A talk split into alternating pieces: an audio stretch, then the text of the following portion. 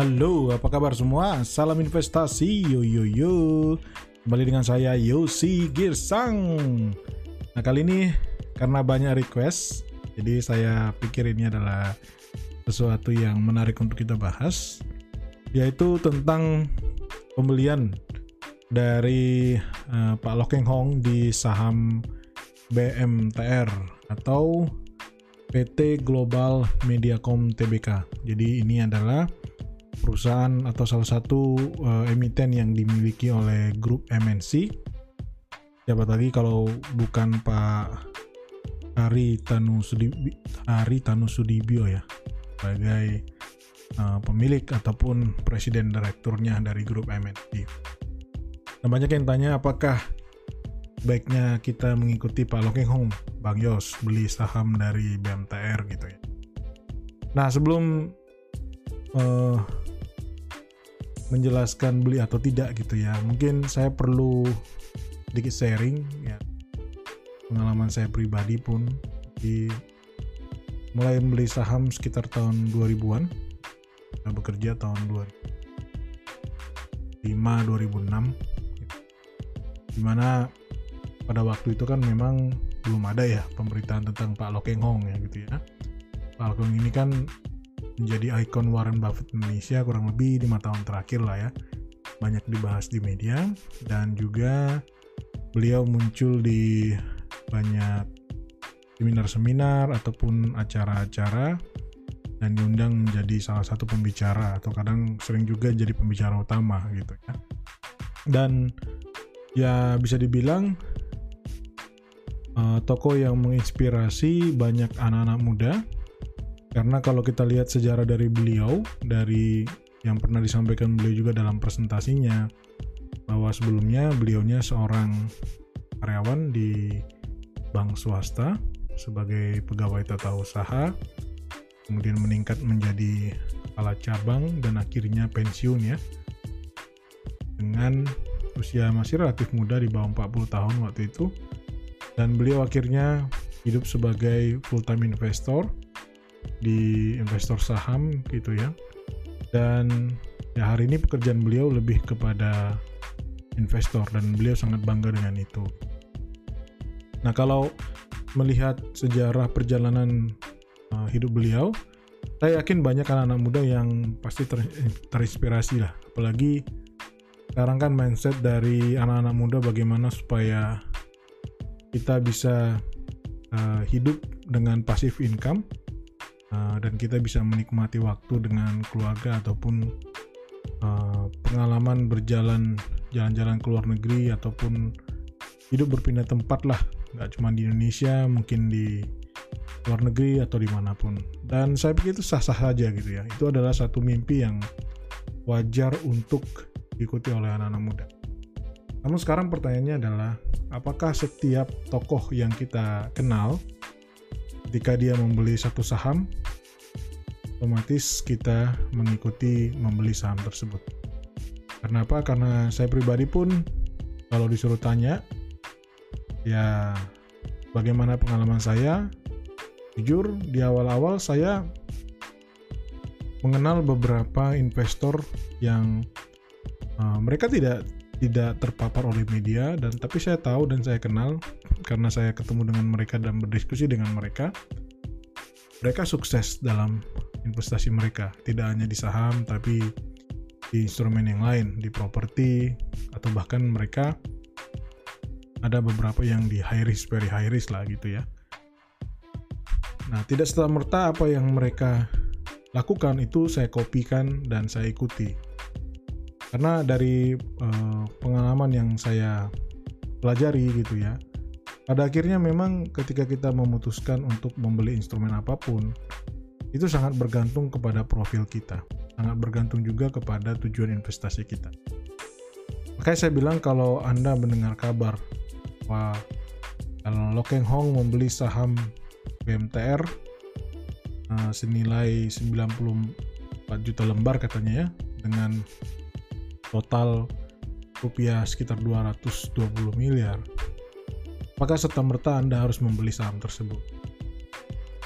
Banyak orang berspekulasi merasa bahwa ya kalau investor kawakannya aja membeli kenapa saya nggak membeli gitu tapi tahukah anda bahwa ya investor kawakan itu pun pernah salah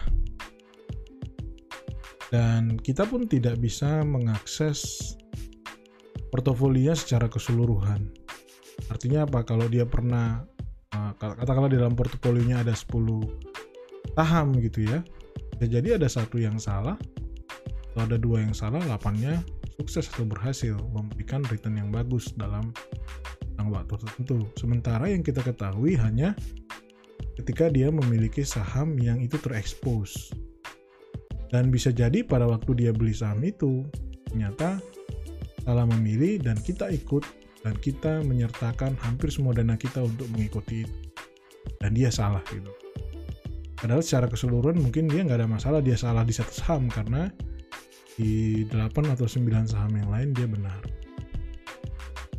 Karena eh, akan sangat beresiko tinggi kalau kita copy paste benar-benar mengcopy apa yang dilakukan oleh top bukan berarti kalau kayak kemarin ya dulu sempat juga Pak Lokeng Hong beli saham seperti Bumi Resources. Bumi Resources Anda lihat dalam jangka panjang kan dari Februari tahun ini ya harganya di saham gocap gitu.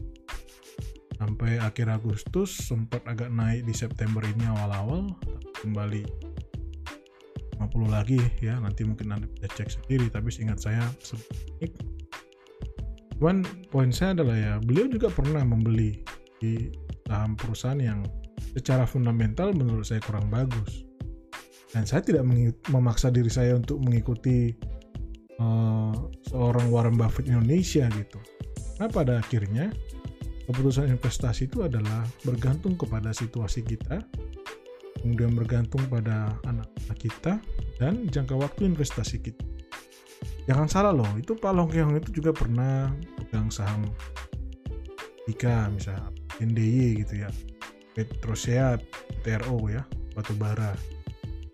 Yang mana beliau minus terus sampai 4 tahun 5 tahun itu masih hold, masih pegang gitu. Yang mungkin situasi kalau ada orang mengikuti belum tentu sama.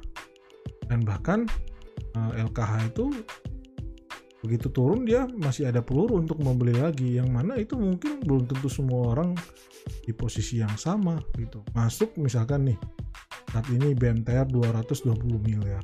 Di harga katakanlah harga 200 katakan nanti 3 bulan 4 bulan ke depan sahamnya justru turun gitu.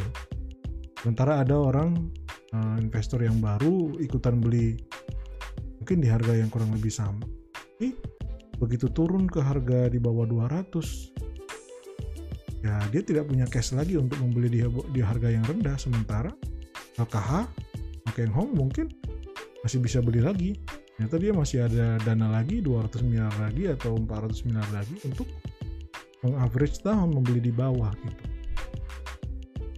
Dan bahkan pembelian-pembelian dalam jumlah besar itu biasanya tidak di pasar reguler gitu jadi kalau di pasar reguler itu transaksi normal real time yang kita lakukan uh, satu saham misalkan BMTR ditransaksikan di harga 250 bisa jadi di pasar negosiasi transaksi yang disepakati oleh kedua belah pihak karena itu dalam jumlah besar bukan 250 tapi di harga 200 per lembar saham gitu. Jadi situasi kita sebagai investor retail bisa jadi berbeda dengan investor yang lebih besar. Di luar negeri pun sama. Bahkan di luar negeri itu banyak hedge fund manager ya, yang mana mereka itu eh, disebut sebagai aktivis investor. Jadi mereka itu kalau sudah membeli satu saham perusahaan, mereka itu akan tampil di media, mereka akan mengatakan saya beli saham ini, saham ini bagus, bla bla bla bla bla bla. Supaya apa? Membangun persepsi crowd yang ada di pasar itu supaya ikut-ikutan membeli sehingga harga terkerek naik gitu. Karena sebenarnya mungkin mereka sendiri pun tidak punya modal yang cukup besar untuk menggerakkan perusahaan-perusahaan yang uh, secara kapitalisasi lebih besar lagi gitu. Makanya begitu saya lihat ada foto Pak Lokeng Hong muncul bersama dengan Pak Haritanu, saya sih tersenyum aja gitu. Tidak ada yang salah dengan foto itu, itu hak mereka ya, dan akhirnya entah kenapa ada media yang akhirnya memiliki foto tersebut ya mereka sedang tertawa, sedang diskusi. Tidak ada yang salah dengan foto itu. Dan akhirnya secara bersamaan banyak media yang membahas tentang pembelian Lokeng Hong di saham BMTR dan itu cukup banyak dibahas gitu. Banyak media yang meliput itu gitu. Apakah ini perilakunya sama seperti yang saya bilang di Amerika Serikat tadi ada aktivis investor? Well, Anda yang simpulkan sendiri. Anda yang simpulkan sendiri. Cuman pada akhirnya adalah saya bilang, cek kalau memang Anda pengen beli saham BMTR, cek apa yang menjadi alasan kenapa Anda membeli. Apakah dari sisi pertumbuhan revenue dalam lima tahun terakhir BMTR itu bagus? Bagaimana resiko level hutang dibandingkan ekuitasnya, DER-nya, debt equity ratio? Margin perusahaan seperti apa? Apakah perusahaan benar manajemennya sehat dan tidak ada kasus sebelum-sebelumnya? Apa pun lah kasus yang mungkin hubungannya dengan uh, namanya good corporate governance gitu. Jadi apakah perusahaan dijalankan dengan uh, standar-standar uh, yang baik, ya, integrity lah istilah. Jadi uh, di zaman sekarang uh, saya tidak sama sekali mengatakan bahwa Pak Leo Hong mengendorse BMTR gitu, enggak, sama, tidak sama sekali.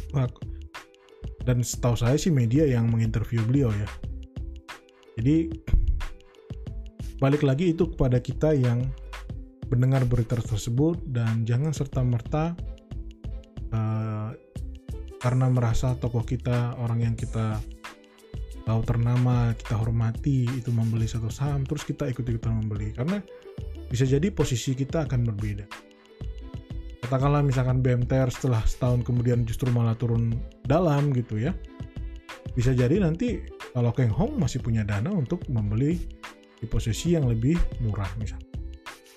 Sementara kita yang membeli katakan modal 50 juta itu sudah modal terakhir yang kita miliki kita harus kumpulkan dulu dari gaji per bulan kita atau dari usaha kita untuk bisa mengumpulkan uh, pelur lagi atau atau dana lagi untuk membeli di harga yang rendah makanya itu kembali lagi tujuan kita apa kenapa kita membeli itu jangan serta-merta hanya karena atau semata-mata hanya karena kita mengikuti toko yang menginspirasi kita. Tetap harus cross check.